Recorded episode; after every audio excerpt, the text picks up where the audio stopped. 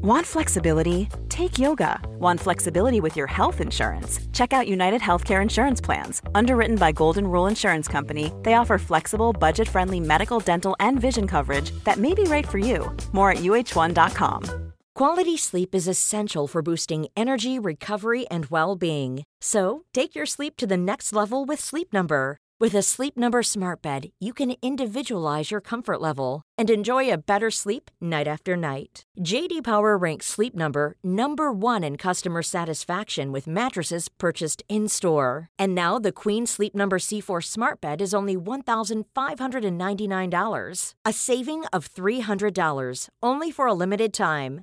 For JD Power 2023 award information, visit jdpower.com/awards. Only at Sleep Number stores or sleepnumber.com.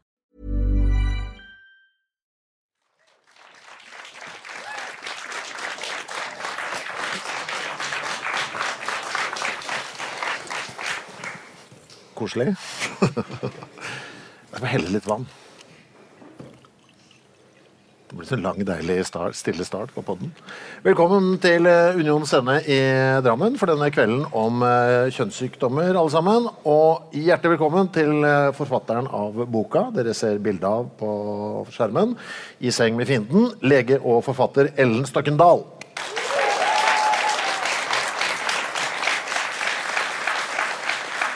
Kanskje det er lurt å begynne med å definere hva som skal til for at noe kan kalles for en kjønnssykdom? Ja, det kan vi gjøre. Eh, en kjønnssykdom er jo en sykdom som overføres ved seksuell kontakt. Alle former for eh, sex. Eh, I Danmark, da boken min ble overført, eller over, å, smittet over der, eh, så bytta de ut begrepet kjønnssykdom med sexsykdom, for de syntes de gjerne ville liksom snevre det inn og være enda mer konkret. Liksom hjelpe oss med å gjøre definisjonen for oss. Det handler ikke om kjønn, det handler jo om sex. Så Er det uttrykket i Danmark? Sier de ikke kjønnssykdom, men sexsykdom? Nei, de fant på det i oversettelsen av boken min, så da får vi se om det slår an. Eh, de mente det sjøl, at det var bra. Så får vi se. Men det har ikke jeg tenkt på før nå. Det er, er det kanskje Du som lege, syns du det er et bedre ord? Sexsykdom enn kjønnssykdom?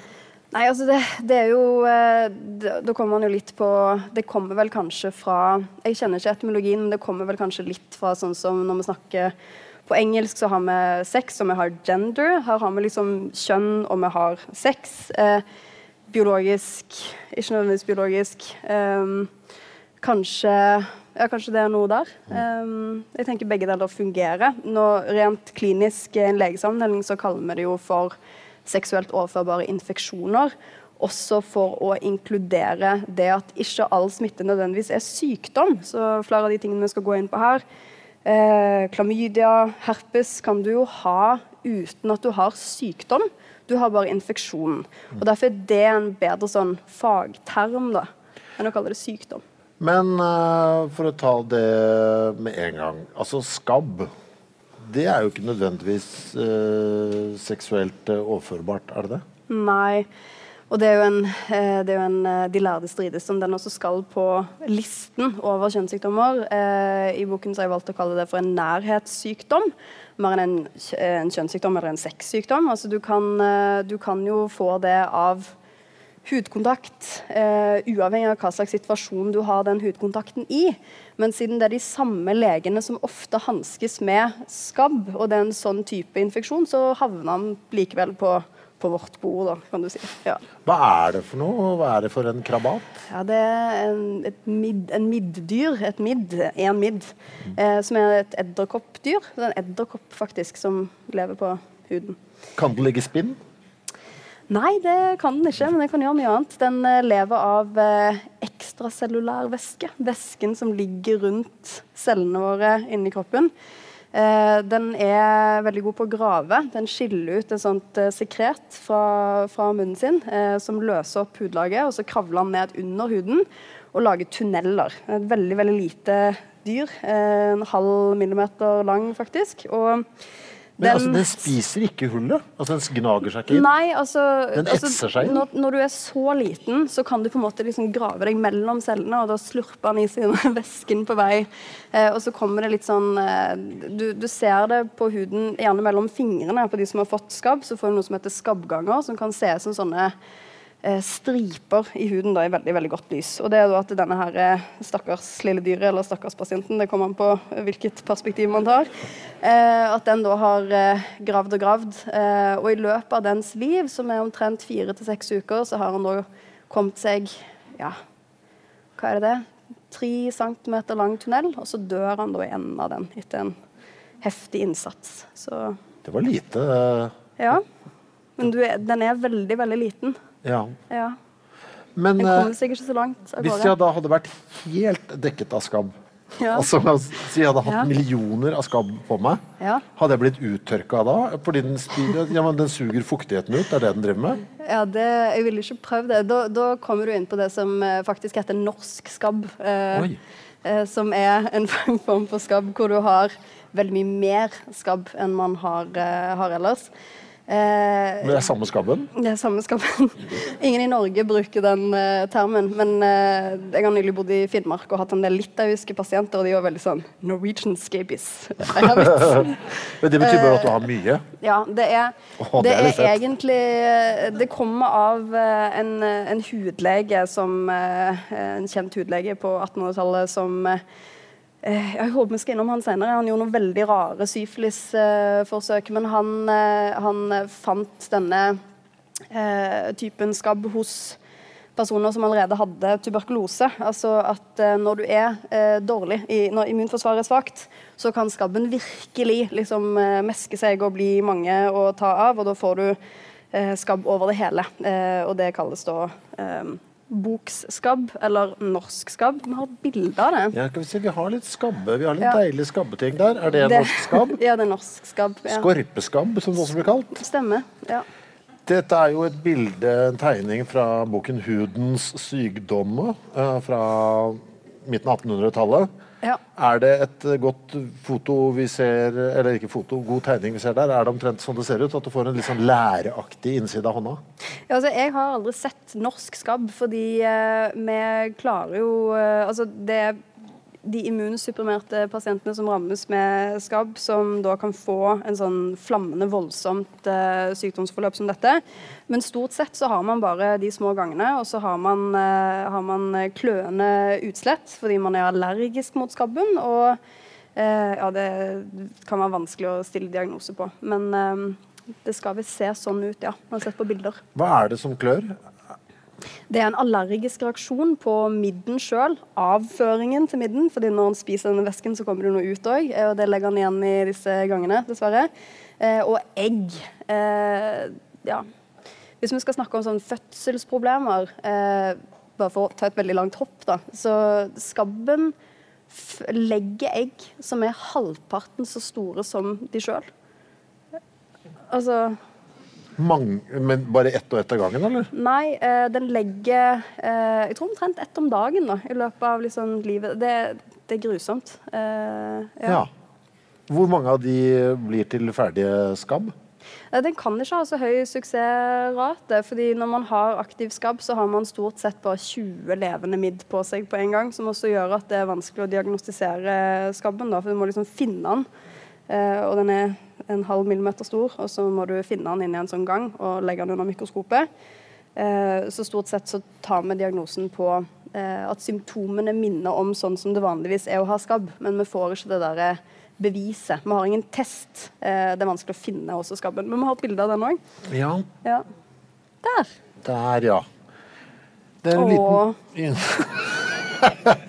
Det er en liten kule med ser ut som den har fire kjempekorte armer og en liten, bitte lite hode foran. Jeg vet ikke helt hva Ja, men den har jo åtte bein, da, siden det er en edderkopp. Ja. Det er liksom Ja. Så det som vi ser på undersiden der, er også bein. ja. Hva er den lille sirkelen på toppen der? Er det, et ho er det hodet, liksom? Eh, er det, den lille sirkelen mitt der hvor du ser en sånn derre sugemunn, det er, det er hodet, Ja. Så det er den som liksom løser opp uh, Ja, huden og den har liksom noen slags sånn kjertler, da. Sånne. Eh, hvorfor, er det, hvorfor er den på, oppe på hånda? Hvorfor er det der man ser den? Det, to, altså, det er jeg faktisk ikke helt sikker på, for den går jo på steder på kroppen som den liker bedre enn andre steder. Men eh, hvorfor den akkurat liker seg godt på hendene, det er jeg litt usikker på. Men det, det er gjerne der det er lett å finne den. At den har de her stripene mellom eh, fingrene. Den liker seg også Ofte kan du se på håndleddene. Eh, går ikke på hodet eh, på voksne, men kan det på barn. Så, men utslett og kløe får du overalt, siden det er en allergisk reaksjon. da. Så, så det sprer seg til hele kroppen? Du kan klø Ja, på steder hvor den ikke ikke du er? Klør, altså, du klør. Ja. Ja. Men er den i skrittet også? ja, det kan det også være. Den liker seg der. Mm. Ja. Eh, Hvorfor er den så vanskelig å bli kvitt?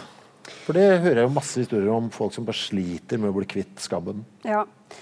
Eh, det er det også flere grunner eh, til. Eh, merkelig nok kanskje så ser vi en ganske sånn stor økning av skabb i Norge nå. Det er flere og flere som, som får det, og folk sliter med å få det bort. Og det er nok delvis fordi skabben begynner å gjøre seg resistent mot de medisinene vi har til å bruke mot den.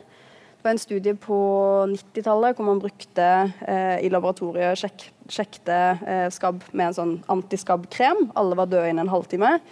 Prøvde igjen noen år senere. Klarte de seg i 12 timer. Og nå siste gang så har de på en måte klart seg i over 24 timer. Så eh, den nye behandlingen mot skabb er da at du skal, du skal smøre deg med et eh, skabbmiddel på absolutt hele kroppen og ha det på i 24 timer. Og hvis du vasker bort en del av det, så må du smøre det på nytt. Eh, og så skal du gjenta det da etter syv dager, fordi den behandlingen bare vil ta de aktive midlene, og ikke eggene, som den jo også legger hos deg. Så det er to runder med eh, intens eh, smøring.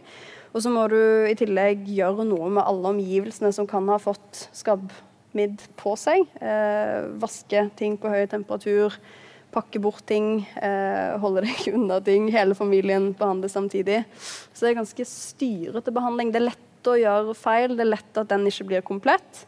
Eh, som er en annen grunn, i tillegg til resistensmønsteret. Eh, og så er det òg det at eh, kløen varer mye lenger enn skabben sjøl, som gjør at man både kan tro at man er ferdig behandla, og så er man det ikke, eller motsatt. At man tror at man fortsatt klør av skabb, og så klør man egentlig bare fordi det fortsetter å klør. Man klør i mange uker. Uker Ja, hva, etterpå. hva er liksom maks lengde av kløe man kan ha? Eh, Det er vel en eh, Det er uker etter man er ferdig behandla. Jeg vet ikke om det er fire uker eller Ja. Men det Kan de overleve på alt? Må jeg, må jeg type må jeg smøre inn mobilen med, med skabbkrem også? Ja, eh, ja egentlig. Forskere i Ja. Stavanger har funnet skabbmidd på, på mobildekselet til folk som har slitt med, med langvarig skabb. funnet de der. Skrapa litt på mobildekselet, og så dukka de opp. Så eh, den vil jeg også da vaska, eh, lagt bort eh, og forholdt meg til den som med andre ting. Men stort sett så sier man at den klarer seg ikke godt borte fra mennesket lenger enn et døgn. Men hvis det er kaldt, så klarer han seg lenger. Så det er litt sånn ja, Det kommer an på hvor god sjanse du vil ha. Man sier at du skal legge bort ting i en uke for å være på den sikre siden. Den klarer seg lenger hvis det er kaldt? Ja. Jeg skulle akkurat foreslå om å kunne rulle seg i snøen og sånn. Det det, det det er null, null effekt. ja, du kan rulle deg i fryseren, kanskje. Eh, i, s- ja. Men hvis vi tar eh, noe jeg får kalle for naboen, flatlusa. ja. Eh, hvordan skiller den seg fra skabben? Ja, Det er jo da et insekt, eh, og ikke en edderkopp, som er forskjellig. Den har seks bein, eh, og den er litt større. Jeg har en, vi jeg har en video av den. Ja, skal vi se Der. Ja. Her står det 'flatlus tatt av meg'. Ja, det betyr at du har tatt, du har tatt bilde. Jeg er veldig stolt av den videoen min. Det største øyeblikket på fantes en flatlus. Og Skal vi se her. eh, ja, ta av lyden, tror jeg. Nei. Skal vi se. Ja, der ser du. Den har sugd blod av en pasient. Ja, for er det blod vi da ser sirkulere litt sånn, litt sånn inni der? Ja. Æsj. Æsj. Ja. Hvor stor er den? Kunne jeg sett den med det blotte øyet? ja, den kunne sett som en sånn liten sånn, uh, liten sånn prikk Mm. som beveger på seg, men uh, det kunne du. Men den er det flere av. Den er ikke, når den først kommer, så er det Da har vi et godt besøk. Ja, men den forholder seg jo også til liksom, den, den er jo interessert i noen habitater og andre ikke. Den vil ha hår, da. Den vil ha tykt, krøllete hår. Så akkurat flatlus, i motsetning til andre lus, liker seg jo da på eh, gjerne underlivshår. Eller øyenbrynshår. Eller øyevipper. Eller hvis du har eh, tykkere hår, så kan, Kan man ha det i øyet? Altså, man- kan ha flatlus over øya? Ja, Som bare kravler og kryr? Du kan det. Men skjer det også? Har du hatt pasienter inne som bare Jeg har ikke hatt det. Denne Nei. er jo så å si utrydningstrua nå. Det er derfor jeg er så stolt over å ha tatt denne videoen. Fordi folk barberer seg, ikke sant? så man ser det jo sjelden. Ja, så det, det går ned. Denne rødlista. Det går nedover med, med denne. Hvorfor heter den flatlus? Er den flat? Ja, den er, den er flat. Har en sånn flatt sånn eh, Litt sånn flatt sånn skall, nesten. Så den, eh, den er flat. Den kalles også for eh, krabbelus, et annet navn på den. Engelsk crabs. ikke sant? Det jo, og det er fordi den har sånne klør, pincers, som den bruker til å holde på Klatre på hår med. Så eh, det er en liten, liten krabbe. Men hvorfor vil den være i kjønnshåret og ikke på hodehåret? Jeg tror det, den altså, Dyr eller vesener har på en måte smak. Da, altså, steder de liker og steder de ikke liker. Og det er det der tykke. Eh, gjerne litt sånn krøllete. De trives bedre der. Så eh, ofte man tynnere hodehår. Liker ikke det så godt. Hvordan er opplevelsen av flatlus kontra opplevelsen av eh, skabb? Er det samme, sånn det samme? Bare klør litt? Ja, det klør mye, men hvis jeg skulle velge, eh, så hadde jeg kanskje valgt flatlus, bare fordi det er spennende, det er sjelden. ikke sant? Så kunne jeg vært sånn der, wow. men òg fordi da er jo på en måte barbering en del av eh, altså Barberer du deg, så har du ikke så veldig mye Den har ikke så mange steder å gå. Eh, så det er litt lettere. Mens det å på en måte smøre hele seg eh, 24 timer og håpe at du treffer um, Håpen ikke er resistent. Vi har jo tabletter også mot skabb, men det er en liksom vanskeligere behandling. da. Frysalt og ja. Men er det eneste behandlingen eh, man behøver å gjøre hvis man har flatlus? Ja, og barbere seg? smøre, smøre også. Ja. Ja. Men det, igjen, det er på en måte mer, eh, mer begrensa. Så eh, ja. Tror du den kommer til å forsvinne? Er den såpass uh, trua? Eh, altså, ja, nå er det sjelden, sjelden sak. Eh, men eh, eh, jeg vet ikke, skal dette være en trist podkast, eller skal det være en glad podkast, eller Men gjør det gjerne til noe trist at flatlus er i verden med å forsvinne? nei, men altså, folk har jo, folk har jo eh, Når det kommer til barberingsmot og sånn òg, så går jo det veldig i bølger. Eh, Så nå er jo det færre som barberer igjen etter en periode med veldig mye barbering. Og da kan det hende at vi ser at lusa kommer tilbake. Det kan godt hende. Eh, Så, så det kan eh, være at vi har gått noen, gjort noen gode miljøtiltak for å redde flatlus. Det kan godt hende. Men dette er en av de kjønnssykdommene vi ikke kan beskytte oss mot. Ja, det sånn, sånn sett, ja. ja. Man skal ikke ha dårlig samvittighet for litt flatlus. Ja. Jeg vet ikke om du skal ha dårlig samvittighet for noe. Det er jo litt sånn, eh, liker å forholde meg sånn praktisk til disse problemene i stedet for å skam, påføre så mye skam. Jeg tenker det er en del av problemet. Men eh, jo, ja. Uflaks. Du må si litt om Men Nei, det er ja. bilde til. Altså, dette med barberingsmotet. Eh, Ja. På 1400-tallet så var busk veldig hot, men så var det så mye flatlus.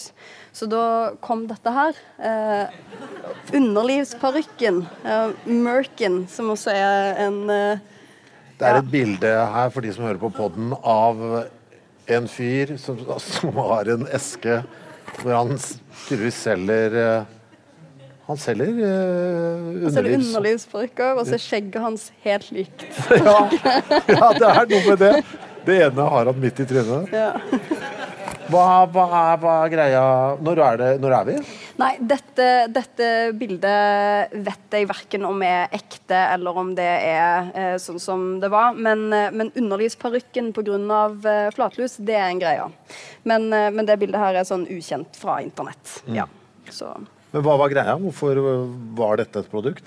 Nei, det var, altså, folk ville ha busk, eh, men så var det så mye flatlus at det ble heller upraktisk. Da barberte man det bort, så kunne du få busk likevel eh, ved å gå til en sånn buskemann, sånn som han, eh, og få det på løst. Løsbusk. Vet du hva det var lagd av? Vet du noe om Nei, jeg vet du ikke noe? Nei. Jeg skulle ønske jeg visste det, men eh, nei, nei, det gjør jeg ikke. Det er sikkert Men det må jo ha vært litt sånn også når den detter av, tenker jeg. Altså, at eh, partneren bare Å, løsbusk, ja, du har hatt flatlus. Altså, det, virker, det, er så mye, det er så mye greier her. Du vet ikke noe om festeanordning eller Om det var lim eller teip eller Ja. Nei. ja. Nei. Nei, jeg elsker det selvfølgelig. Uh, som lege, hvor lenge siden er det du har sett en flatlus uh, nå? Uh, jeg har ikke Fire år, tror jeg. Ja, ikke sant? Ja, så jeg har ikke sett Nei. Er det noe tanke om å bevare den, som fra et sånt artsperspektiv? Har du hørt noe om det? Nei, men altså eh, Vi har fått flatlusen av gorillaen. Eh, så hvis vi klarer å bevare gorillaen, så har vi i hvert fall tatt vare på en slektning av vår flatlus i dag. Hvordan, så det i, jo hvordan i alle dager fikk vi det fra en gorilla? Nei, eh, veldig mange kjønnssykdommer er jo eh, Veldig mange infeksjonssykdommer generelt har jo kryssa over fra andre arter på et eller annet tidspunkt, og det høres jo litt sånn sketchy ut, men i dette tilfellet var det nok det at eh, altså, menneskets forfedre for rundt tre millioner år siden overnatta i et gorillarede og fikk med seg noen gjester, og så har de senere mutert sammen med oss. Eh, litt annen type hos gorillaen enn hos mennesket. Men eh, Vet vi noe om flatlusa har utviklet seg noe særlig på alle disse årene? Eller er det nokså likt? dyr? Ja, det kan man se. Da. Man kan sammenligne gorillaflatlusen med menneskeflatlusen. Og så kan man eh, telle hvor langt unna de var fra å skille seg på livets tre ved å telle mutasjoner. Så det er en del forskjell. Har man beregna til tre millioner år, da. Eh, jeg føler at vi har varma opp nå. Eh, det er på tide å hoppe i uh, de litt uh, ordentlige ille tingene, sånn som jeg ser på det. da. Gonoré. Ja. Ja, kan vi begynne, begynne forsiktig. Hva betyr ordet? Vet du det? Ja. Det er to eh, greske ord satt sammen, eh, som eh, ble brukt av eh, en eh, lege for eh, 2000 år siden. Eh, Gonos og endelsen re. Eh, gonos betyr eh, frø eller sæd. Mens eh, re eh, betyr at noe flommer eller liksom flyter over. Så det er jo der vi har diaré fra. da. Eh, så gonoré, en flom av sæd, betyr det da. Men det er ikke det. Nei, det er ikke det. Nei. Henspeiler det litt på hvordan eh, det ser ut? Ja. Det, den klassiske gonoreen da, som, eh, som rammer da, eh, menn, urinrøret på menn, er jo det vi også kaller for dryppert, som da er masse utflod eh, som for 2000 år siden da kunne minne om en flom av sæd, men som ikke var det. Ja. Dette har du sett. ja.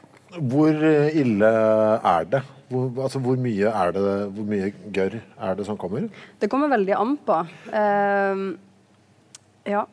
Har man ingen beste... kontroll på det? Hvis, hvis jeg hadde hatt gonoré nå, så hadde det bare rent ut av meg sakte, men sikkert hele tiden. Uh, noe, altså, noe av det verste tilfellet jeg har sett, holdt jeg på å si, har jeg jo skrevet om i boken min. Skal jeg lese det? Ja, gjerne. Ja, det kan jeg gjøre. Skal vi se. Jeg må bare si også, jeg, jeg føler at det er noe litt sånn 70-talls over sykdommen. Jeg følte det var noe folk hadde på 70-tallet. Ja, men du har helt rett i det. Eh, Ja. På s- 70-tallet, midten av 70-tallet så fikk 36 nordmenn gonoré hver natt, eller hvert døgn, eh, fordelt på året. Um, men det stiger igjen nå, altså. Så det er liksom nå 2023-talls over det også. Ja, så det er på Ja, vei tilbake. Det er på vei tilbake. Slengbukser og gonoré. Uh, ja. Det Ja. det. OK. Uh, da har jeg en pasient på kontoret som heter Jørn, uh, og han skal fortelle meg hva som er galt med han. Jørn reiser seg, stikker hånden ned i buksene og begynner å trekke ut umulige mengder tørkepapir fra dypet. Det er et absurd øyeblikk, for det tar aldri slutt. Det kommer ut lange, sammenhengende remser og små, sammenkrøllede klumper. Det er tydelig at han har henta papir fra ulike steder, lagt til mer etter hvert som han har trengt det, som sandsekker til en sliten demning. Noe av papiret er pryda med små, røde hjerter. Jeg ser for meg at han har sittet i en brodert stol hos bestemoren sin og stadig løpt til toalettet i gangen, livredd for at demningen skal briste, og at den gyselige flommen skal søle til det intrikate blomstermønsteret. Noe av papiret ser ut til å være resirkulerte pappservietter av typen man får bretta rundt varme pappkopper med plastdokk, og de minste, mest frastøtende klumpene må ha vært Snøhvite Kleenex en gang. Uansett opphav, papiret er skittent. Det er metta med en grusom gulgrønn væske.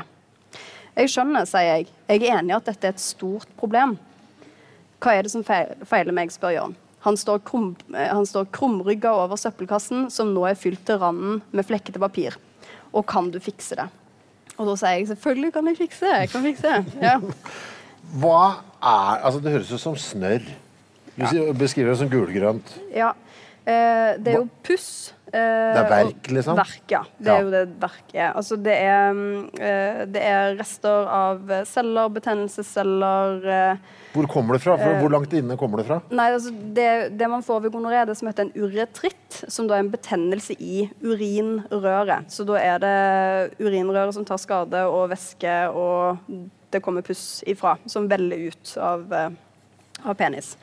Eh, rammer jo kvinner også, eh, men eh, der er det ikke like, eh, ikke like lett eh, synlig. Så det er jo derfor man på en måte har gitt navnet Dryppert til det, ut ifra hvordan det ser hos, eh, hos menn. da.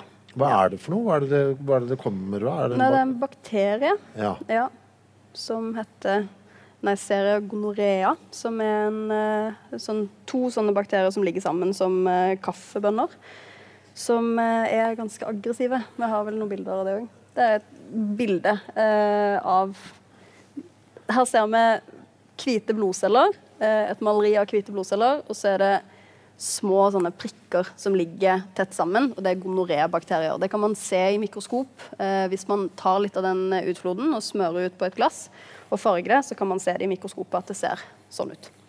Men de, hva, hva, hva, er det de driver med? Livnærer de seg på innsiden av urinrøret? Hva er det de holder på med? Ja, altså de, eh, de eh, er som andre fiendtlige bakterier. De går på en måte De prøver å sette seg på kroppen, og så kommer immunsystemet vårt eh, sende et svar med hvite blodceller, og så oppstår det på en måte en kamp mellom hvite blodceller og bakterier, og den går ganske sånn heftig for seg. Gonoré er en ganske eh, gir veldig sånn kraftig betennelse.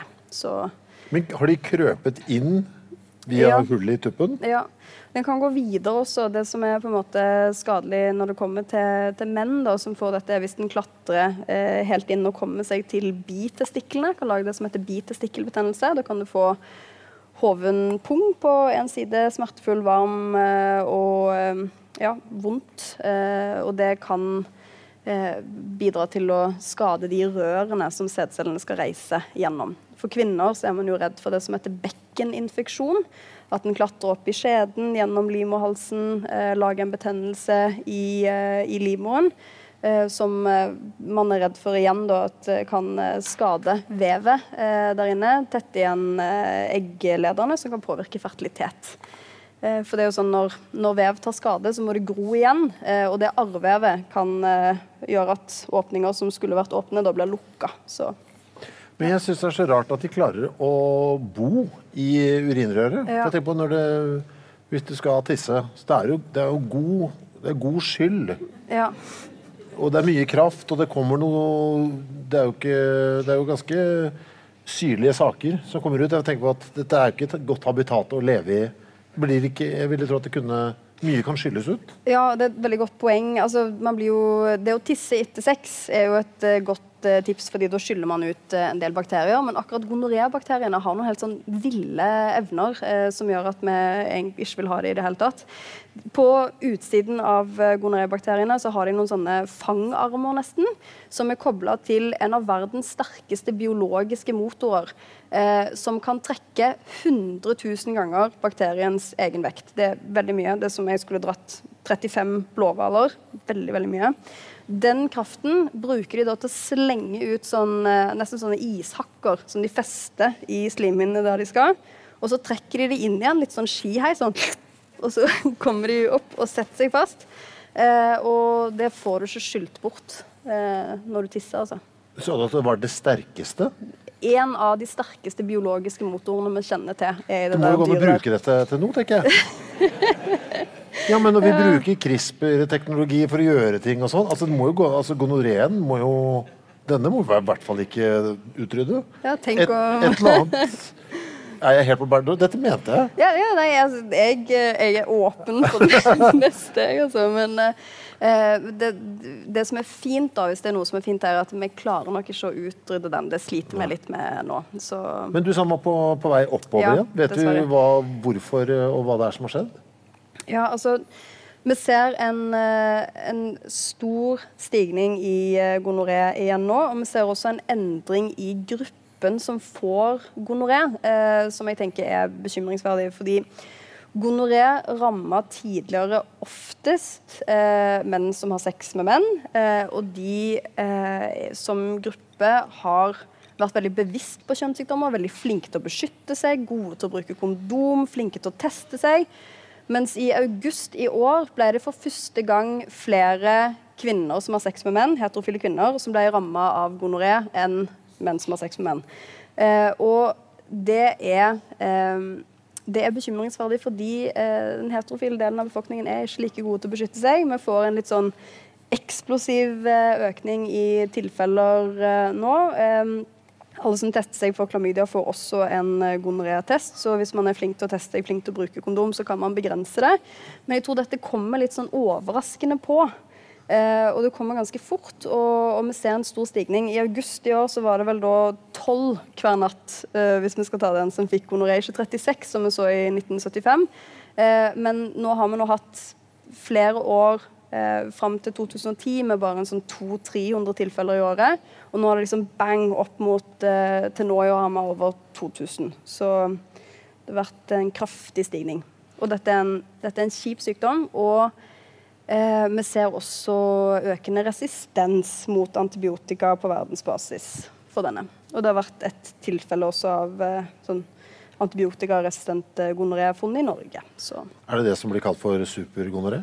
Ja, mediene kaller det for supergonoré. Eh, gonoré som vanskelig lar seg behandle. Eh, I motsetning til syflis, en annen kjønnssykdom vi har behandla over mange år, så har gonoréen eh, den har en sånn evne til å gjøre seg resistent mot antibiotika veldig fort. Som har på en måte blåst gjennom eh, veldig mange klasser med antibiotika etter tur. Eh, siden vi begynte å behandle den. Og det er bekymringsverdig. Den har en sånn evne til raskt å gjøre mutasjoner, endringer. Eh, og hvis vi står igjen uten mulighet til å få behandla denne samtidig som vi har en sterk, sterk økning, så, så blir det et stort problem, altså. Er det mindre smertefullt sånn innledningsvis hos uh, kvinner? Så det, er liksom, det virker som det er veldig tydelig hos menn, i hvert fall med denne Det er flere kvinner som ikke får symptomer sånn i prosent, men eller, men eh, gonoré eh, som gir bekkeninfeksjon, er, er ingen spøk i det hele tatt. Eh, så det å sammenligne det. Ja. Men det, de fleste menn som får det i urinrøret, vil få symptomer etter hvert. og Derfor er det også gjerne lettere for menn å oppdage det og teste seg. Eh, mange som går rundt med det i hals uten å vite om det. Så da har vi antagelig et sånt skjult reservoar. At folk bare går rundt og har det i endetarm og hals uten å vite det. Men man kan få det masse rare steder. ja den liker seg på slimhinner generelt. Eh, på 70-tallet så, så behandla vi jo øynene til nyfødte eh, i masse tall for å unngå at de skulle bli født smitta med gonoré i øyet under fødselen fra mor, og dermed få ødelagt eh, eh, Hornhinnen eh, blir liksom spist opp av gonorébakterien. Så hvis, vi vil jo ikke tilbake dit. Hva var, eh, hva var det man gjorde med nyfødte barn da, for å unngå det? Eh, antibiotika da, men før det så dryppa man med sånn sølv, eh, sølvnitrat-løsninger med sølv, som eh, man begynte med lenge før. Sølv er jo eh, et stoff som eh, funker antibakterielt ganske bra mot en del ting. Så det var velkommen til livet? Dryppe for litt sølv, dryppet i Altså, øyet mot gonoré? Ja. ja. Når var det vi ga oss med det, da? Eh, det er ikke så Nå husker jeg ikke det, men det var 80-tallet. Så seint? Ja, Så jeg, jeg er født i 70. Ja. Kan det hende at det var det første, Ja. første møtet med et annet menneske enn mamma? Var en lege som dryppa sølv i øya mine? ja, toppen på Bare for å være sikker på at mamma ikke hadde gjort noe rart. Ja. Ja. Ja, ja. Det skal jeg ta med meg. Vil det stå i journalen da? Tror du? Er det, sånn Det vet jeg Nei, ikke. nei. Nei, det vet jeg ikke. Du kan sjekke. Virket det? Sølv i øya? Tror du? Ja, eh, det har en effekt på, på, bakterier. Hvor stor prosent og sånn, det vet jeg ikke. Men, men da når man begynte med det, så var det da var det en del som ble blinde av det, og det så man en nedgang i. Men det har jeg ikke tallene på, for det Ja, vi har noe mer Der er jo den reklamen. Ja, den reklamen. For 36 nordmenn gonoré, bruk kondom. Ja. Er sikkert derfor jeg tenkte at det var sånn 70-tallsting, for jeg husker jeg så sånne ting i avisa når jeg vokste Ja. opp. Ja. Eh, så har vi da Der har vi vel gonoré der. Ja. Der har vi en penis med gonoré på vei ut. Er det det vi ser? Det er det vi ser, ja. ja. Jeg syns det bildet er så fælt at jeg googla 'World's cutest animals' og la inn det. For jeg må Jeg følte vi må vaske, vaske øynene Ja. til alle i salen. Så nå lar jeg det ligge oppe litt. Men man har jo trodd at syfilis og gonoré var det samme øh, tidligere. Ja, det var mange som trodde det. Det var bilde av et mikroskop der. og eh, det å se eh, hvilke mikrober som ga en sykdom, det kunne vi jo ikke si før vi skjønte eller før vi kunne se det. Eh, og det, det tok lang tid. Vi slet med sykdom lenge før, eh, før det. Så på 1700- og 1800-tallet så var det eh, leirer med leger som var uenige. Er, det to sykdommer, gonoré syfilis, eller er det samme sykdom? Og det var en som gikk litt til ekstremene for å bevise at det var eh, det samme. Eh, John Hunter, en skotsk eh, kirurg, som da tok litt sånn puss fra penisen til en mann eh, i en sprøyte og liksom poda det inn i sin egen penis for å bevise at da ville han få syflis. Eh, og når han da døde av hjerte- og karsykdom en stund etterpå, så så alle hans eh, følgere så på det som endelig bevis på at det var samme sykdom. For syfilis kan eh, gå på hjerte-kar og føre til eh, skade der. Eh, så da ble den liksom hengende ved. Mm, trist historie, var ikke sant? Veldig hands on type. Ja, veldig hands on type. Ja. Eh, la oss hoppe til eh, en annen. Herpes. ja. Det er, den er gammel. ja. Hvor gammel eh, Hvor langt tilbake kan vi spore dette viruset? Seks millioner år. Hva, hva annet var det som fantes for seks millioner år siden? Nei, da fantes eh, en, eh, en forfar til eh, mennesket og sjimpansene i ett, mm. som levde for seks millioner år siden, og som hadde et sånt urvirus, en urherpes, som senere um, utvikla seg til mange forskjellige herpestyper sammen med mange forskjellige mennesker, eller um, sammen med mennesker og menneskeapene, og det er derfor vi kan trace det tilbake, fordi vi har ulike virus som ligner i dag, kan vi telle tilbake med mutasjoner og si hvor gammelt det er. det. Det er en sånn teknikk man kan bruke. Hvordan er, det du, hvordan er det du som lege skjønner at eh, nå har vi med herpes å gjøre? Ja, det ser man ganske lett ofte. Det er eh, blemmer som vokser i sånn klaser. Eh, og som sprekker og blir til sår. Veldig smertefulle, og som etter hvert blir dekka av, eh, av skorper. Eh, og eh, noen ganger så er det bare litt sånn generell eh, svie ubehag, og da vil man kunne ta en test som beviser at det er herpes, men ofte så er det litt sånn klinisk at du kan se det. Eh, og gi behandling bare når du har pasienten der inne. Hvor er det, det, hvor er det den setter seg? Det kommer an på hvor man blir smitta. Det kan du få i øyet hvis du er Ja. uheldig. Eh, eller så Det er en del tannleger som får det på fingrene etter å ha eh, vært så blitt bitt av en pasient eller nei. Men uh, det er jo det vanligste enten at du får det på, på munnen, det man gjerne kaller munnsår, uh, og underlivet. Underlivsherpes. Hva er det som er forskjellen på type 1 og 2? Det er to virus, og Men egentlig så er det én sykdom, sånn som jeg ser på det. Eh, herpes er en sykdom som gir smertefulle blemmer og sår, og det gjør det uavhengig av hvor man får det. Eh, vi har to forskjellige virus som kan smitte begge steder, men ofte så er det sånn at type 2 går til underlivet, mens type 1 kan gå både til munn og underliv. De fleste eh, som får eh, diagnostisert underlivsherpes nå, har type 1. Eh, men eh, vi har et sånt kunstig skille i måten vi snakker om herpes på som bidrar til veldig mye skam. Dette er enormt vanlig virus. Vi sier at eh, mellom 70 og 80% er antagelig bærere av herpesvirus type 1, mens eh, 30-40% antagelig bærer av eh, virus type 2. Så er jo, det er jo vanligere å ha dette viruset enn ikke å ha det.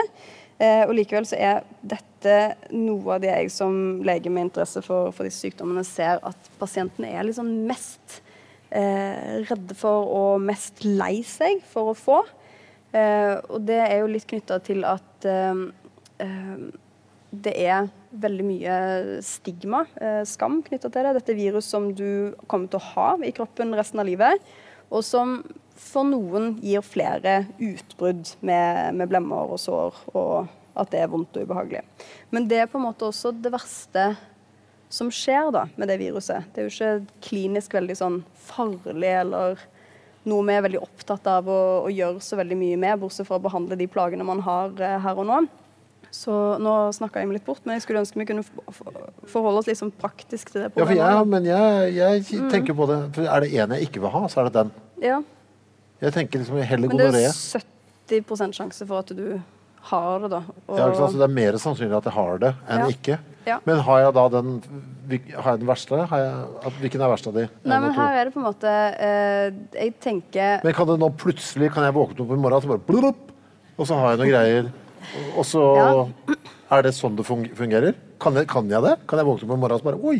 Ja, du kan det. Men, uh, men poenget her tenker jeg da er at Eh, dette er virus som lever i de fleste av oss. De bosetter seg i nerveceller, enten rundt lysken eller eh, i halsen, og, og, forholder seg der. Og der er de til vi dør. Sånn som jeg har hatt eh, dame på 95 år med sitt første utbrudd av underlivsherpes. Hun hadde ikke hatt noen nye partnere, men det var første gangen hun fikk, eh, fikk det der og da. Eh, og det er, sånn, det, det er vanlig, eh, og da er det litt sånn Har det vært et problem for henne hele det livet hun har levd. Nei, hun har ikke visst om det. Og sånn er det for de fleste av oss. Og vi legger enormt mye mental energi i å skamme oss over og overtenke ting som egentlig verken er veldig farlig eller veldig plagsomt. Noen får eh, utbrudd som er plagsomme og kommer tilbake. Men da har vi tablettkurer og behandling for å forholde oss til det. Så når du spør hva er det verste, tenker jeg igjen sånn, da skal vi skille mellom infeksjon og sykdom. Det som er det verste, er de som har plager. De kan jeg som lege hjelpe med. Men viruset, det å ha det De fleste merker ingenting til det. Det er ikke så veldig ille. Eh, og det å få noen utbrudd heller ikke så veldig ille. Jeg tenker Det som er verst med det viruset, er den skammen folk får. Den frykten folk har for å smitte andre når eh, mesteparten av befolkningen allerede sannsynligvis har dette viruset. og eh, det, det, der henger liksom ikke Klinikken og skammen henger ikke sammen. da. Man skulle tro at vi skamma oss mest over sykdommer som tross alt var farlige eller eh, uvanlige eller sjeldne. Eh, men dette er liksom utrolig vanlige ting. Utrolig greie ting, egentlig. Men Tror du noen idé om hvorfor det er sånn? For jeg har ja, det jo sånn sjøl òg. Ja, ja, altså det, og det, det er eh, Dette er noe som har på et vis egentlig blitt litt sånn satt i oss. Eh, det skjedde på på 60-tallet så fikk man teknikk hvor man kunne lese eh, DNA. At man kunne sekvensere DNA og se eh, hva vi har her foran oss. Da fant man ut at det var to forskjellige virus. Og Da begynte man også med eh, medieoppslag og informering rundt disse to virusene. Eh, hvor vi har medieoppslag eh, som sier sånn at herpes type 1 eh, er noe alle kan få, det uskyldige forkjølelsesåret, mens type 2 går etter de promiskuøse av oss. Akkurat som om viruset i seg sjøl har moralsk dømmekraft. Har, altså, virus har jo ikke det. Eh, virus, altså, Om de lever eller ikke, det er jo en helt egen eh, debatt. Men, men de, tenk, de, tenker ikke over hvem du er når du kommer der med slimhinnen din og den skal, den skal bosette seg. Men det det, herpes ble brukt i en tid når vi hadde fått p-piller, når vi hadde fått antibiotika som kunne kontrollere gonoré og syflis, og det ikke lenger var så farlig med ubeskytta sex, så ble på en måte herpes dratt fram som noe som endelig skulle på en måte kontrollere befolkningen og holde oss i sjakk. Det var det siste eh, halmstrået ja, til moralistene? Altså, eh, det var til og med sånn, det var noen som skrev sånn eh, eh Her kommer herpes for å hjelpe oss når vi går imot Gud. ikke sant? Altså, så det er konservative krefter som har sådd eh, dette med forskjellen, det å skille disse virusene sterkt fra hverandre. Og det å lage sånne fortellinger om hvor ille det er, og hvor fælt det er, og hvor grusomt det er å være smittsom. Men så Jeg tenker sånn kan vi ikke bare forholde oss til det når det er blemmer, og ellers ikke forholde oss veldig mye til det? Altså det Men la oss ta eh, litt av det, da. Eh, Fordi du sa blemmer. Er det det som er, eh, er Ja. Det, ja så Ja. du blir liksom et blemmende Nei, jeg har bilder av det. Da. Det er sånn små blemmer som vokser i klaser, og som gjør vondt. Så du blir aldri, liksom du blir aldri sår, liksom? Jo, de, de blir til små sånne De blir til små sånne sår eh, som Smertefullt, plagsomt.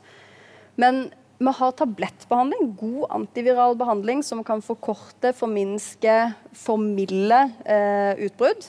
Hvis man er veldig plaga med hyppige herpesutbrudd, sånn som noen veldig få av de som er smitta tross alt er, så kan man til og med gå på sånne konstant tablettkur sånn, for å hindre at man får eh, nye utbrudd. Så da, vi forholder oss til sykdom, ikke til infeksjon. Når er det det er smittsomt, da? Er det når det er sånne blemmer, eller når det er sår? Det eh, Viruset eh, det bor i nerveceller, og så klatrer det av og til ut på huden. og Da kan det lage et nytt utbrudd med blemmer og sår, og da er det smittsomt. Men så er det noen tilfeller hvor det også klatrer ut på huden uten å lage blemmer og sår, og da kan det også overføres. Men da er det mindre virus til stede. Og dette med smitte, da må man også tenke på det. Eh, du er bare mottakelig for å smittes hvis du ikke har viruset fra før. Eh, veldig mange har det. Eh, Du kan bruke kondom, og da dekker du en del hud- og slimhinneområder eh, for å få virus over på seg. Så igjen, sånn, tenk på det praktisk. Dette er en del av livet. Hvis jeg har det nå, er jeg egentlig immun? Hvis jeg nå ligger med noen som har herpes? Ja. Er det noen måte å finne ut på om jeg har det? Altså, eh, Teoretisk sett så kan man ta en, eh, en blodprøve og se om du har antistoffer, som er det som gjør at du da er beskytta mot ny smitte. Men i praksis så vil man ikke gjøre det, for det har ingen klinisk betydning. Altså, eh, ja. Eh, skjønner vi noe av Det blir rart å snakke om motivasjonen for noen som ikke er hjernemenn. Skjønner vi hvorfor, hvorfor vil den ut til huden plutselig? For, det hvorfor kunne den ikke bare holdt seg spre seg eh, videre, da. Dette er jo et veldig vellykka virus som tross alt har levd sammen med oss i seks millioner år. Så det har jo, dette er jo et som har klart det eh, ganske bra. Denne kommer vi aldri til å bli kvitt. Nei, den, ja. Vaksine, kanskje, hvis man klarer å lage det. Det har vært flere forsøk. Eh, så det er, det er typer under utvikling som er mer lovende enn de som har blitt forsøkt før. Eh, og det hadde vært veldig bra. Altså, det hadde vært bra å ikke ha det, men jeg tenker at så lenge vi har det, så forholder vi oss til det sånn som det er. Hva er det som er, eh, Hvis man har dette her, er det noe som er triggere? Kan det være trigger for at du får nye utbrudd? Vi kaller det jo forkjølelsessår på, på leppene, og det er jo samme uavhengig av hvor du er smitta. Eh, annen sykdom, altså påvirkning av, eh, av immunforsvaret. Eh, eh, sol, skade, gnissing mot huden. Eh, det kan være triggere. Stress kan være trigger. Ja, Alle de vanlige tinga. Egentlig. Ja, det var jo det. Sol og stress. ja sol og stress. ja. Ja. Mm. Sommer, med andre ord. Mm. sommerferie med familien. Ja, Da kommer herpesen. da kommer det. Ja. Eh, En kjapp tur innom kjønnsvorter. Ja. Eh, før vi går løs på et av mine, favoritt, eh, en av mine favorittsykdommer. Men kjønnsvorte først. Hva er det? Er det som en vanlig vorte, bare at den er på kjønnet? ja. Ja. Egentlig. Ja. Det er et virus som heter HPV-virus. Vi har veldig mange typer HPV-virus. Eh, noen gir fotvorter, noen gir kjønnsvorter. Ja. Kan man bli kvitt det på samme måte som uh, man blir kvitt uh, vanlige vorter? Man går på apoteket og kjøpe et vortemiddel? eh, du kan faktisk det. Altså, det er sånn liniment som du kan pensle på. Du kan fryse de. De vil også forsvinne av seg sjøl. Ja. Ja. Ikke det er bare litt klø, kløubehag, eller er noe? Noen er ikke plaga, andre er veldig plaga. Altså de, de fleste som blir smitta med det viruset lokalt, merker ingenting. Nei. så er det noen som får, får vorter. Da. Og da kan du igjen forholde deg til det, hvis du får plager. Det er mest estetikk som er problemet her, eller? Kan være kløe også. Ja, ok. Ja. Nei, la oss gå til uh, min favoritt. Jeg vet ikke om det er din favoritt også. Syfilis. Jo, det er min favoritt. Det er det, det er ja, Så vi vanskelig. har noe til felles der. Ja. Ja. Uh, dette her er jo da uh, et bilde som vi har brukt Det er For- derfor det er så mye folk her, for det var reklamebilde. Ja. Ja, det er da primærsyfilis sjanker, heter, heter bildet, men det ser helt forferdelig ut. For her er det da et penishode som bortimot er uh, borte. Ja. Men kan vi først, vi la oss begynne i andre enden. Navnet. Jeg synes det er et kjemperart navn. Syfilis. Ja. Uh, det er et navn som uh, er henta fra en, en eh, romersk myte. En gjeter som heter Syflus, som hissa på seg Apollo, solguden.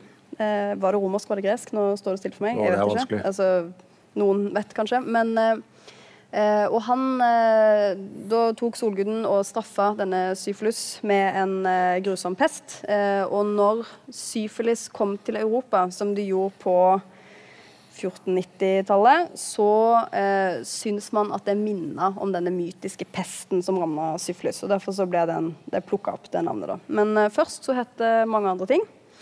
The Great Pox, eh, i motsetning til Small Pox, fordi sårene var liksom større. Eh, og det har hett venerisk pest. Eh, og starten på denne syfilisepidemien, som det jo ble pandemi etter hvert også, hvis man skal ta det, ta det sånn, det var den franske eh, kongen som eh, tok og gikk til angrep på eh, Napoli og hadde med seg eh, masse leiesoldater som hadde med seg masse sexarbeidere. Og det var et, en sånn beleiring av eh, byen Napoli som tok mange år. Eh, og da stakk de hverandre med det ene og det andre og hadde med seg disse sexarbeiderne og styra unna, og så spredde det seg plutselig en en grusom sykdom eh, hvor eh, folk hadde store, åpne sår. Eh, nesene falt bort, halsen falt bort. De, ja, de, de døde. Det var ikke pent, da. Litt gøy at de kalte det for så mye rart. De var liksom skylda på hverandre. de la skylda på hverandre. For det var det her sånn, ikke sant? Altså, de som ble angrepet i Napoli, de kalte det franskesyken. Det var mange europeere som var veldig enig i det. Eh, engelskmenn, nordmenn var franskesyken. Mens franskmennene Nei, nei, det er den italienske sykdommen. Så da het den italienske sykdommen. Det har også blitt kalt eh, den tyske sykdommen, den polske sykdommen, den kristne sykdommen. Og når det spredde seg ut fra Europa, så ble det da kalt for den europeiske sykdommen, som vi jo kan forstå. Det er sånn som når Trump kalte det for eh, China virus. Ja, det var akkurat sånn. Det, det, Ja. ja, bare legge det på et land. Men kan vi si noe om litt hva det er for noe? Hva er det? Hva, er det et bakterie, virus? Ja, det er en bakterie. Ja. Mm. Den heter treponema pallidum, og den er eh, forma som en sånn eh, eh, skruechips. Litt mindre delikat. Ja. Det er jo tre stadier. ja. Det er jo det som gjør syfilis uh, kanskje for deg og meg da, litt gøy. For den har, litt, den har så mye den driver med. Ja, den har ganske sånn ville symptomer. Uh, og- hvordan begynner det? Det begynner med eh, et sånt hardt brusklignende sår. Det stedet hvor man ble smitta. Ofte da på penis. Det er ikke sikkert at dette er primærsyfilis, men det kan være det. Det er vanskelig å diagnostisere sånne gamle plansjer, som dere sikkert eh, forstår. Eh, men sånn hardt sår som ikke gjør vondt. Eh, og det får man der man blir smitta, oftest kjønnsorganene. Men det er en, sånn veldig, en veldig fin sånn case-studie fra eh, 1924 med eh, en lege som dro fram tre pasienter med primærsjanker på skilleveggen mellom neseborene. Eh, hvor en av de som også var smitta, var lege. Og han er sitert i denne artikkelen. Han kan tydelig huske hvordan han hadde undersøkt en pasient, ikke vaska hendene, og så sjopp, stukket fingeren opp i nesen. Eh, og så fikk syfilis i nesen etterpå, da. Så det var også en mulighet. Og det ble en serie av eh, artikler hvor eh, leger var ganske bekymra for, for dette, og sendte advarsler for at det var noe man måtte, man måtte begynne å vaske hender, var liksom konklusjonen. Men, er den, men hvordan, så greit, men er det sånn for damene også? At det, blir et sår på innsiden? Ja, eller altså der smitten finner sted, sånn hardt rundt sår. Ja. Ja. Og det, det er fase én. det er fase én, ja. Og så bare forsvinner dette Blir det bløtt og vanlig igjen? Ja, det blir borte. Ja. Men de gir seg jo ikke der. Hva driver, hva driver syfilisen med nå? Da? Nei, da i, eh, i det andre stadiet så får du ofte utslett, er det det klassiske da. Eh, du kan Hvor lang tid tar det ja, før det kommer? Det er forskjellig. Det er forskjellig fra gang til gang, eh, så, eller fra pasient til pasient. Så, men ofte så sier man at hvis man har diagnostisert noen med primær, sekundær eller eh, tidlig latent stadie, så har de vært smitta i løpet av det siste året. Så, mens man kan ha latent syfilis, at den går i dvale, det kan være, sånn, det kan være mange år. 20 år. Ja, før det Jeg liksom- kan ha en sånn knabb. Nei, den går bort. Ja, ja, Ja. men så jeg knabben på, på hjelmen, så Mhm. blir den borte. Og så kan det si den dukker opp i morgen. Og så, hvor lang tid, hvor lenge har jeg den? Det, det varierer også. Det, En uke, liksom, eller mer? Ja, Det er jeg faktisk ikke helt sikker på hvor lenge den pleier å være. Men så kan det være null, null Mm. problemo. Ja. Og så kommer 2043. ja.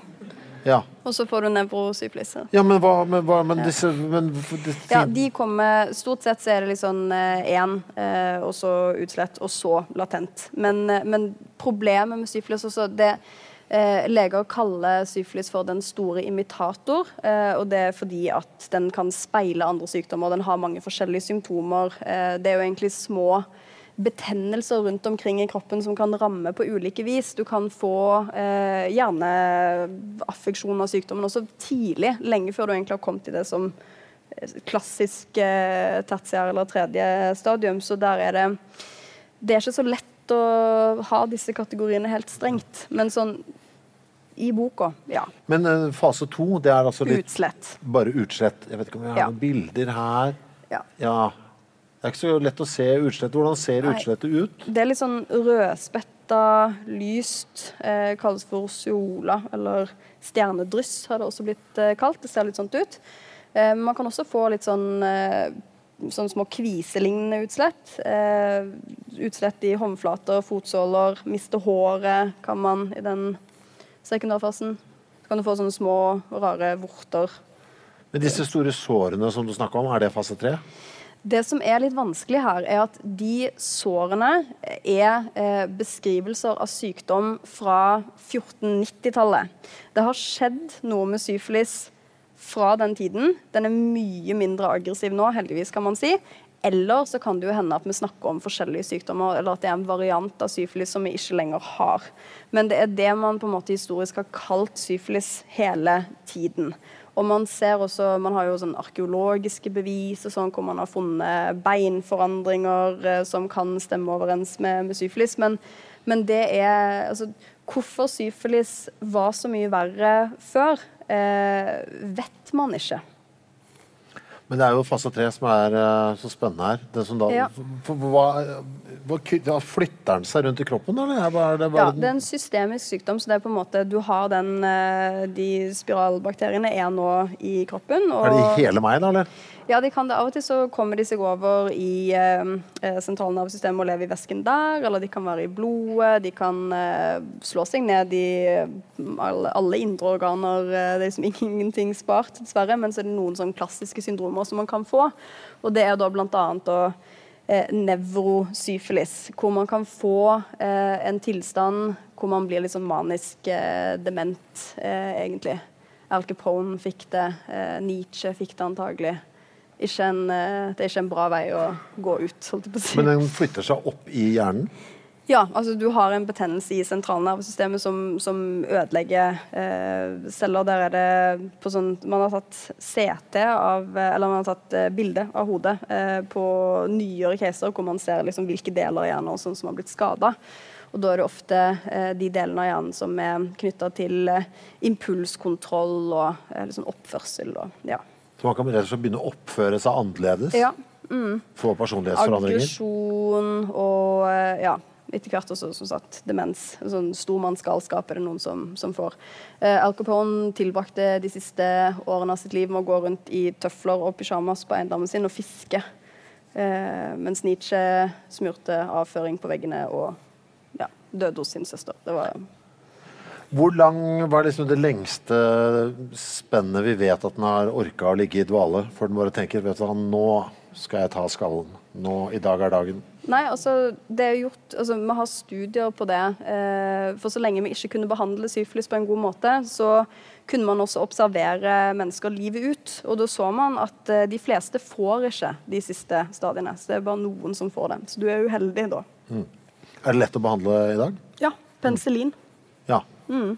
Men den kan bli resistent, den her òg, eller? Nei, den er snill mot det. Den har altså Penicillin fra start til slutt, det funker. Men uh, vi måtte jo gjennom veldig mye annet før vi kom til penicillin, da. Det kan vi si. Hva da? Malaria. Kvikksølv. Malaria, hva mener du med det? Nei, altså, det var noen som smitta pasienter med malaria for å bli kvitt syfilis. Fordi eh, høyere kroppstemperatur var med på å drepe sykdommen. Virka det? Eh, det, det hjalp å få høyere kroppstemperatur, så det hadde en effekt. Men eh, altså Du fikk jo malaria, da. Ja, ja. Litt sånn som Litt sånn som òg Men du ble jo ikke gæren, i hvert fall. Nei, men Ja. Men kvikksølv, hva var tanken der? Det hørtes ut som en kjempedårlig idé. Det var veldig dårlig idé. Men det var, det var brukt helt fram til 1920-tallet. Og så eh, Pasientene ble smurt inn med kvikksølvsalve, og det brukte man fordi kvikksølv eh, trigger en sånn eh, reaksjon hvor man begynner å sikle. Eh, og der har vi helt tilbake til eh, antikken så har man tenkt det at eh, sykdom handler om balanse i kroppsvæsker. Og at hvis du er syk, så må du bare helle ut den overflødige. Og med kvikksølv så tenkte man da ah, hvis du spytter eller svetter det ut, så går det bra. Så det var, helt, eh, det var liksom grunnlaget for behandlingen i begynnelsen, og det holdt man på da fram til 1920-tallet. Ja. Jeg avbrøt deg i stad. Du sa at du kom med enda et eller annet uh, middel mot syfilis. Ja, men det, altså Arsenikkpreparater ja. har man brukt, og man har brukt uh, masse sånn tresorter, og man har brukt gull, og man har brukt vismut, og man har brukt sølv. Altså, sånn, du, du, har gått gjennom hele det periodiske system ja. for å prøve. Men er denne på vei bort nå, eller dukker den opp fremdeles? Nei, det er litt stigning i den òg, men det er jo en uvanlig Men Er det stigning i alt, eller? Ja, det er ikke Altså, det, det, det er en grunn til at jeg har skrevet denne boken. Ja, men er alle kjønnssykdommer on the rise nå? Ja. Ja. ja. Men eh, også i prosent? Eh, vi er jo flere mennesker, så det er jo en grunn til burde jo eh, Ja. Mm. Ja. Det, har vi sluttet med prevensjonsmidler? Er det det som er greia? Nei, ja, men det er litt sånn som det jeg var inne på i stad. Eh, I Norge så ser man en kraftig stigning. og Det tror jeg også, det har ikke helt gått opp for oss at vi nå kan få farligere ting enn vi fikk før. Eh, jeg tror nordmenn har ikke helt eh, tatt kjønnssykdommer helt på alvor. Eh, så det var litt sånn som på 60-tallet i USA, når vi endelig kunne behandle gonoré og syfilis med med antibiotika, men så kommer Gud med nye sykdommer for å straffe oppførselen vår. Det er litt det som skjer i Norge nå. Jeg tulla. det var ingen som lo. Eh, men eh, ja. Det, eh, nå, nå, får vi kanskje verre ting enn vi fikk før. Jeg har jo også, altså sånn, Klamydia er jo heller ikke bra. Det har jo også konsekvenser for oss, men jeg tror folk har tenkt at det er lettere for å forholde seg til enn gonoré, syflis, hiv. Um, at vi har hatt et annet forhold til det. Og herpes er det jo ingen som snakker om uansett, så det bare går an å skamme seg over, selv om alle har det. Så, ja. Vi har litt flere bilder av syfilis. Her er det ja. noen eh, deilige flekker under føttene. Ja, det er ikke så mange sykdommer som gir uh, utslett i håndflater og fotsår, men syfilis er en av de. da. Så det, ja. Et tydelig tegn. Har du sett syfilis, du? I, ja, jeg har faktisk sett det eh, ikke mange ganger, men jeg har sett det, og det har vært spennende hver gang. Det, ja. det liksom, men de må jo ha blitt vettaskremte, de som fikk beskjeden at de hadde det? Eller er det såpass rart at de bare Å, det var gudskjelov ikke herpes? Ja. eh, ja, jo, men det, det, er faktisk litt sånn, altså. Fordi eh, mange av de som da har fått det, har jo ja, ja, ja, det er det jeg prøver å si. Ikke sant? Ja. Altså, hvorfor tenker vi så mye på den herpesen? Men uh, det gjør vi da. Uh, tenk mer på syflisen i stedet. Eller uh, gonoreen. Eller uh, Men ja, mange som har fått det, har jo forventa det på et eller annet tidspunkt. Ja, se her, ja. Her er det et, en tegning ja. fra 1796. Illustrasjon av kvinne død av syflis. Mm. Og det er et hode på et fat. Et hode uten nese. Ja. Hvorfor hvorfor, denne, hvorfor gikk nesa hele tiden? For det er jo blitt selve i, hvert fall I litteraturen så er det selve symbolet på syfilis. Ja, det er flere sykdommer som gjør det. faktisk. Det er, eh, når man får betennelse i blodårene sånn at vevet ikke får puste, så er det liksom akkurat nesen er litt akkurat nesen er litt utsatt pga. måten nesen er bygd opp eh, på. Så da, da klapper den litt sånn sammen. Og eh, når eh, i perioder hvor det har vært mye syflis, så har man da kunnet se mange neseløse rundt på, på gaten. Eh, så muligens en av verdens første pasientinteresseorganisasjoner på 1700-tallet, The No Nose Club i England, eh, møttes eh, på bar og drakk sammen og koste seg. Ja. Men det er veldig spesielt. Ja. En kjøttssykdom som gjør at du mister nesa. Ja. Ja, nei, kjønnssykdommen er jo liksom legeyrkesvart og altså. grøssere. Men du sier at den klapper sammen. Råtner den? Blir det et hull, eller hva er det som foregår? i Ja. Eller bare henger liksom hele Hvordan ser For det å ut? ta det liksom helt enkelt, så alle celler i kroppen trenger tilførsel av eh, oksygen. Og da må du ha blodårer som går dit med oksygen, eh, oksygenrikt blod. Og hvis blodårene får betennelse og klapper sammen og blir ødelagt, og man ikke lenger får blod dit man skal, så er det sånn på nesen så har du ikke så veldig mange veier ut. Så hvis du får det her, så er det liksom mange veier. Eh. Så nesen er utsatt for eh, ja, eh, blodårebetennelse og kan klappe sammen av, av det. Så det er på en måte mekanismen for nedstapp av syfilis. Nå ble jeg nysgjerrig, fordi den klapper sammen og blir litt sånn mushy og rar.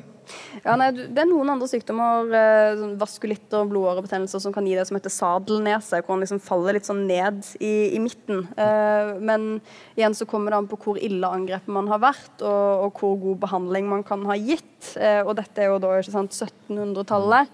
Eh, ikke nødvendigvis så lett å stoppe eller drive med kirurgisk rekonstruksjon. Og, ja, så Vil skabben da tenke mm, her er det allerede ferdig oppløst, så her kan jeg bare krype inn og bare her er liksom, Ja. Det er veldig lett for meg. ja, kjønnssykdommer er lagspillere. Er de det? Ja, det er de faktisk. Ja, så du Ja. kan, Er det vanlig å ha flere? Ja.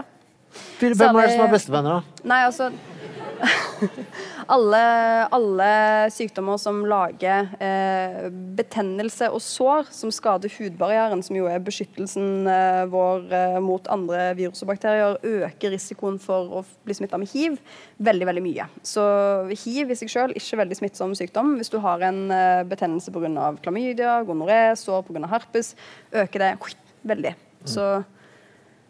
Men det er ikke sånn det er ikke sånn at de krangler om beite, sånn at f.eks.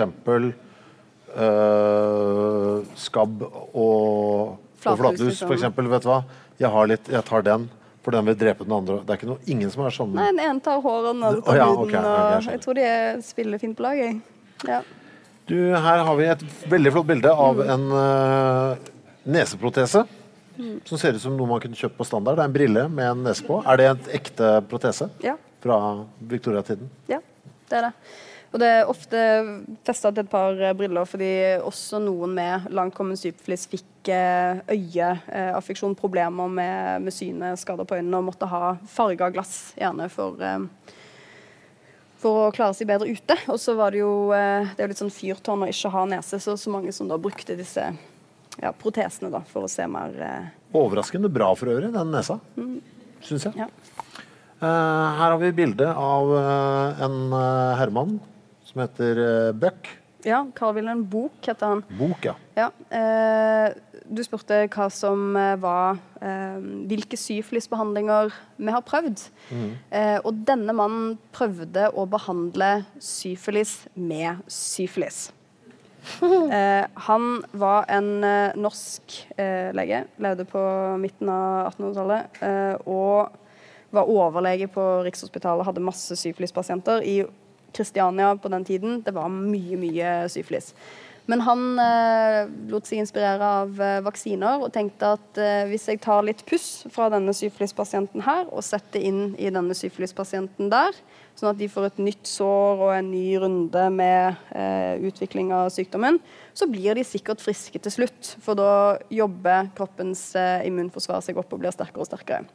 Så han disse pasientene på den tiden de lå da inne på, på tvang, for det var, var lov på den eh, tiden for å beskytte andre mot, eh, mot kjønnssykdommer. Um, så da eh, lagde han små snitt i huden deres, satte inn puss fra andre pasienter og lot det liksom stå til. Og gjorde det mange hundre ganger per pasient. Eh, men han var var, han var glad i å eksperimentere, så han tok òg eh, blanda pusset med sånn forskjellige ting. Eh, sendte strøm gjennom pusset for å se om det gjorde det bedre. Kokte det, tørka det, frøys det ned. Eh, Blanda det med alle mulige legemidler, belladonna, arsenikk. Satte det inn i pasientene kjør på. Eh, satte det inn i en pasient, tok det fra den pasienten, satte det inn i en neste. Tok det ut av den pasienten, satte det inn i en katt. Tok det da ut av den katten, eh, satte det inn i en ny pasient. Eh, Blanda det med urin, satte det inn i pasienten. Eh, og det som var så dumt, da, det var det at Alt var dumt. Ja. For, for en idiot. Ja, eh, jeg skal være litt forsiktig med, med å si det, for det er liksom så Han, han tok jo altfor mye av eh, på, på eksperimentene. Han kunne droppe urinen, han kunne droppe kattene, for all del. Men det her var eh, Syfilis var ille i Kristiania. Altså det var, det var ikke bra. Vi hadde ingenting å, å stille opp eh, mot. Og han var en av de få i Europa som var mot kvikksølv. Så det var på en måte det du fikk andre steder. Eh, han ga syfilis og katter og urin. Eh, kanskje bare hakket Det var iallfall noe annet da han prøvde, og, og det å på en måte eh, skal være litt forsiktig med å dømme fortidens eh, leger for den kunnskapen vi har nå. Eh, så jeg vil eh, På et vis, ja, alt var dumt, men på et annet vis, ja. Men var det liksom- noe av det som virka? Problemet her var jo at han Altså, konseptet var feil.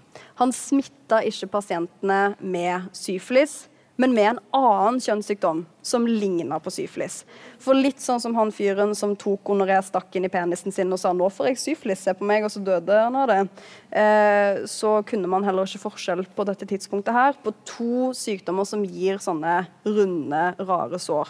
Det ene lager puss, det andre er uømt og brusklignende. Det uømme brusklignende var syfilis, det andre er noe som heter sjankroid, som er en sånn sårsykdom som kanskje er det vi så på den penisen i stad, men som Ja. i Atlas er beskrevet som, som syfilis. Det er vanskelig å De visste ikke forskjell. Det var forskjell. Men det vil si at hvis du hadde syfilis i Kristiania eh, på 1850-tallet, så fikk du da 200 tilfeller av den smertefulle sykdommen sjankroid i tillegg til syfilis. Men han må jo ha sett dette, at det ikke virka, og så sender han de ut igjen. Ja. Skjønte han ingenting om hvordan det smitta, eller? Jeg frikjenner ikke Nei, altså, eh, Han visste jo at det smitta ved seksuell aktivitet. Ja. Eh, men det igjen, det som er problemet her, da, det vi nå i ettertiden vet, er jo som jeg sa, at de fleste utvikler jo ikke disse videre stadiene. Så veldig mange mister jo symptomene sine. Eh, får de aldri igjen, eller kanskje får de 20 år senere når han ikke ser de lenger. Så han trodde jo de var blitt bedre da. Men eh, han prøvde Dette var en fransk metode som han videreutvikla og prøvde å spre ut i, i verden, for han var så mot kvikksølv og ville, ville hjelpe. Eh, folk ble, altså Andre så at det hjalp ikke, så han burde jo tatt kritikk til seg, men det gjorde han, eh, gjorde han ikke. Så eh, til sin død så forsvarte han denne metoden som het syfilisasjon. etter liksom vaksinasjon, ikke sant. Eh, Så etter at han døde, så fikk vi mikroskopi, bedre metoder, og vi så at det var to forskjellige mikrober. Ja. Uh, her har vi eh, en tegning av eh, hvordan syfilis kan se ut i et mikroskop. Ser ut som pastaskruer. ja. Lett, eh, lett for deg å oppdage, eller? Nei, veldig vanskelig. Eh, det er noe sånn, Du må gjøres mikroskopere eh, mørkt. Eh, de glimter litt sånn sånn Når det er et mørkt rom og du skrur åpne en dør, så er det sånn eh, Støvfnuggene kan du plutselig se. hvis dere skjønner hva jeg mener med det. Sånn er det med disse òg. De er veldig veldig tynne, men de glimter til med noe som heter mørkefeltsmikroskopi. Eh, hvis du hadde påvist syfilis hos meg i dag, hvor, blodprøve. ja, hvor lang tid tar det før jeg er kvitt det? Eh, enten engangsbehandling eller engangsbehandling over tre uker. Det kommer an på om jeg kan si hvor lenge du har hatt det. Hvis den er fersk, og du har en negativ Blodfersk. prøve, blodfersk, da er det én dose. Ja. Ja, så er jeg good to go Ja. om et, ti dager. Ja, altså da, da er du ferdig behandla Ja. med den dosen. Er den veldig smittsom? Eh, nei, det er Igjen, det er litt sånn blod- og sekretkontakt. Det kommer an på hvor denne bakterien er. Det varierer hvor smittsomt den er også i løpet av eh, eh, sykdomstiden. Men det såret man har i starten, det er ganske smittsomt. Og en del av det utslettet man kan få, også er smittsomt. Jeg tror vi må hoppe rett til klamydia, for vi har sittet her en stund. Ja. Uh, det er jo den minst flaue av dem alle, føler jeg. Ja. For den er litt sånn Klamydia, det skal man ha hatt. Ja. På et eller annet eh, vis. Er, du, er det litt sånn du opplever det som lege også? At folk er litt sånn Å ja, det var bare Å, puh. Det var bare den. Ja. Det, ja. det er jo Hva egentlig det. tenker du om det? Det har vi tatt det for langt den veien på akkurat den? Ja. Eh, jeg eh, Og jeg tror jo liksom sånn den, den manglende frykten for klamydia Nå prøver jeg å si at vi egentlig ikke skal være så veldig redde, men ta alt praktisk. Men akkurat den, den manglende frykten for klamydia gjør jo at eh, vi bruker ikke kondom i Norge, og nå får vi alle tingene. ikke sant? Så det er litt sånn Det er sånn føl følgefeil. Men er vi For jeg har sånn inntrykk av at Norge altså Hvis du vil ha klamydia, dra til Norge. Her Det er det vi driver med her. Ja. Det er fjorder, god iskrem og klamydia. ja. Men er det, stemmer det litt også? Altså, Statistikken sier så, men eh, det er jo mye svakheter med å drive sånn statistikk. Eh, I Norge så er vi veldig gode til å teste for klamydia, fordi vi vil gjerne få tak i klamydiaen og behandle klamydiaen. Eh, og da er vi også veldig gode på å registrere tilfellene i et eget register, sånn at vi faktisk har god statistikk for hele landet. Mens eh, så sånn, Ta 2018 eller 2019 eller hva det var som et eksempel. Da liksom Norden er på klamydia-toppen, hvis du skal se på Europa. Eh, med ca. 25 000 tilfeller eh, i Norge, var vel litt flere i Danmark. Og så ser du på Kypros tre. Eh, og det er jo ikke riktig. Så da er det litt sånn Har vi mest klamydia Er det et reelt tall? Påstår de at de bare har tre? Ja, det er det som er det statistiske funnet. Og da, Skurker, altså. enten så tester de ikke, eller så registrerer de ikke godt nok. Ikke sant? Og, og når vi er sånn veldig, veldig flinke, så, som jo er veldig bra, så ja. Så det er egentlig en hedersbetegnelse for det norske helsevesenet at vi har så mye klamydia i Norge. Og Ja, det tyder på at vi er eh, samvittighetsfulle og tester oss. ja, men det er mye klamydia òg også. Det er det. Okay. Ja, mm, forløpet der, er det bakterie, virus det er bakterie. En veldig liten bakterie Ja. Som du ikke kan se i mikroskop. Så Så hvordan er det du oppdager det? test. DNA-test. Ja. Apropos tester. Hvordan, altså, når jeg uh, måtte bedrive sånn type testing, så var det jo det anser som den mørke middelalderen, for da var det q-tip inni urinrøret. Og, ja. og er vi der fremdeles, eller har vi kommet lenger? Folk er veldig redde for sånn q-tip inni i Ja, men det urinrøret. kommer er litt an på kanskje- Du ja. blir- blir så redd når du ser, kommer litt an på hvem du ser som skal gjøre det. Ja, ikke sant. Nei, men eh, Det Nei. er en mangel på eh, kjærlighet har det vært av og til på Olafia-klinikken. ja. Ja, ja, Men er det den fremdeles, eller det, er det kommet bra hjemmetester og sånt? Nei, du kan, du kan tisse eh, i en kopp, Ja. eh, og så kan man teste tisse. Så, Ja. ja. Da har du testa deg for klamydia og gonoré.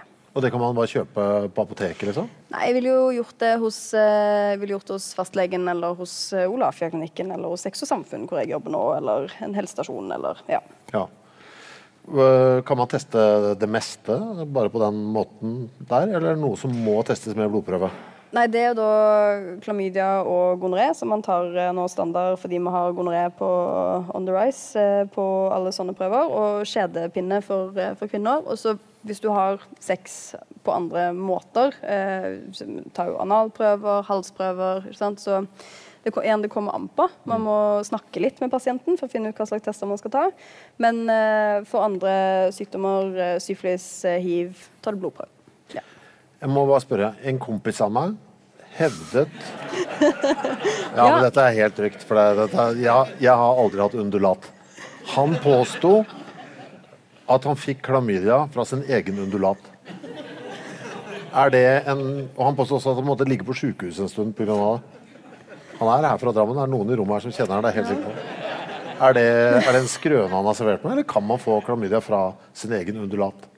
Eh, nei, altså det er en del klame- klamydia-typer som også rammer dyr, men om de direkte kan smitte tilbake til mennesker Han påstod at han hadde spist mat ut av munnen hans, og så fikk Ja. han noen lammelser og måtte ligge ja, det, er noe, det er noe som heter sånn eh, bird keepers lung, som er en oh, ja. eh, sykdom, men det er vel ikke en klamydia? Nei, ikke Det er sant, så noen leger i rommet sånn. eh, Men det er veldig mange varianter av klamydia. Eh, ja, det er flere varianter. Og det er flere varianter som går på mennesker, og det er enda flere varianter som går på ulike dyr. F.eks. klamydia er veldig ille for eh, verdens koalabestand. Eh, ja. Ja, for de har klamydia. De har klamydia, ja. Og det går på fertiliteten løs. Eh, og når man prøver å behandle det, så mister man sånn De mister bakterier i tarmen som de bruker til å bryte ned eukalyptus, som jo er det eneste de spiser. Så der er de litt sånn de er litt fucked på det. Ja. Men hvis vi skal runde av litt med hvordan ting er nå så det er jo Gonoré er on the rise. Det virker som det meste er på vei eh, opp. Men jeg har også en sånn følelse av at de unge i dag er ganske De, de er flinkere til å snakke om det, i hvert fall. Og være litt sånn åpen om sykdommer og sånn. Har du en følelse av det eh, fra legestolen? Det var, litt, Ja. det var ganske Jeg opplever at de ikke er så flaue som min generasjon eh, var. Jeg tror det er litt sånn både og. Eh, jeg tror eh, åpenhet kan være mange ting, og jeg tror eh, det er nok jeg tror fortsatt det er sånn at det å ta fram et kondom i et rom er å peke på elefanten i rommet, altså snakke om den risikoen som alle vet at man tar. Hvis man, eh, hvis man har sex, så vet man at man utsetter seg for eh, risiko for smitte. Men, og det, det er noe alle vet, men vi vil helst ikke vite det. Vi vil ikke knytte det til oss sjøl, vi vil ikke knytte det til en partner. Eh, det, folk syns det er veldig turnoff. Man vil ikke ja, det å, det, liksom, det å ta fram det kondomet er å lette på et slør som vi ikke vil lette på. Og det er vi dårlige på. Altså. Jeg tror folk er flinkere til å snakke om sex og problemer på, på noen måter, men det er også veldig mye glansbilder ute og går. Eh, veldig mye skam ute og går. Det å dra fram sykdommene, det Nei, det tror jeg ikke vi er gode nok eh, på. Vi vil ikke snakke om dem i forkant. Ja, vi tar hele problemet problemene etterpå. Jeg tar liksom en for laget og skriver denne boken og mister alle vennene mine. Nei da, jeg har veldig, vennene mine er veldig interessert i kjønnssykdommer. Ja. Ja. Men du har jo gitt ut en eh, god del bøker. Merker du det også på denne boken? At, vet at dette er et vanskeligere Eller at dette er en bok som er vanskeligere for folk å sette i bokhylla? Merker du Ja, det litt? eh, sånn eh, Merka det litt med skrevet, Vært med på å skrive 'Gleden med skjeden' før. Og det, ikke sant, det er glede. Det er, liksom, det er bra, og det er kvinnehelse, og det er positivt. Men eh, jeg hadde lyst til å grave meg litt inn i eh, det som det er vanskelig å se noe bra med også, da, det som er sykdom. For når jeg møter pasienter, så så er det så eh, Det å kunne normalisere, det å kunne dra fram litt fakta, det å kunne si at eh, det er ikke noe Veldig mange som blir smitta med kjønnssykdommer, tror liksom at det er noe spesielt ille ved de, og at de er skyld i det som har skjedd. Men det vi ser er jo at det handler om flaks, uflaks i stor eh, grad. Dette er ting det er veldig vanskelig å beskytte seg mot.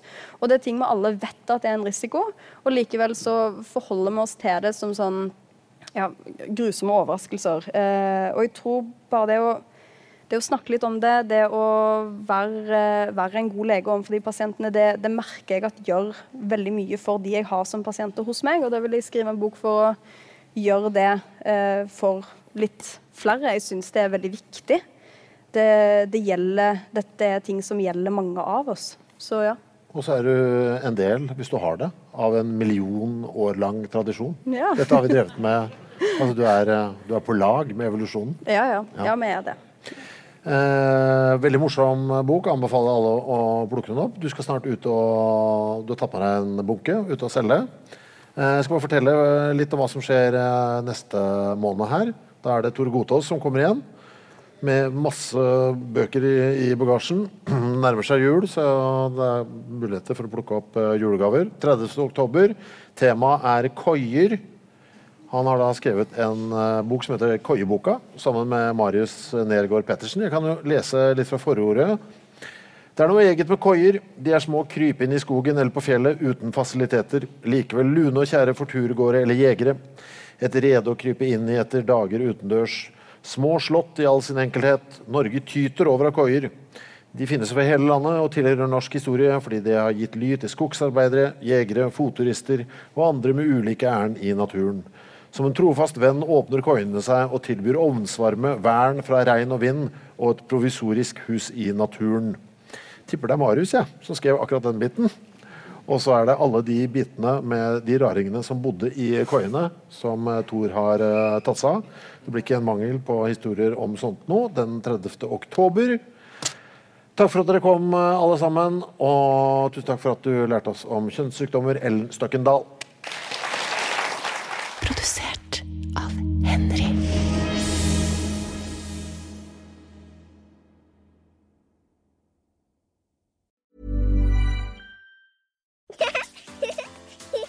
Too tired to clean your floors after playtime? Forgot to vacuum before your friends bring their little ones over? Let Eufy X10 Pro Omni help. Powerful 8000 PA suction removes debris, and MopMaster dual mop pads scrub away stubborn stains with ease. Save time and keep your floors cleaner. Want to know more? Go to eufy.com, that's EUFY.com, and discover X10 Pro Omni, the best in class all in one robot vacuum for only $799.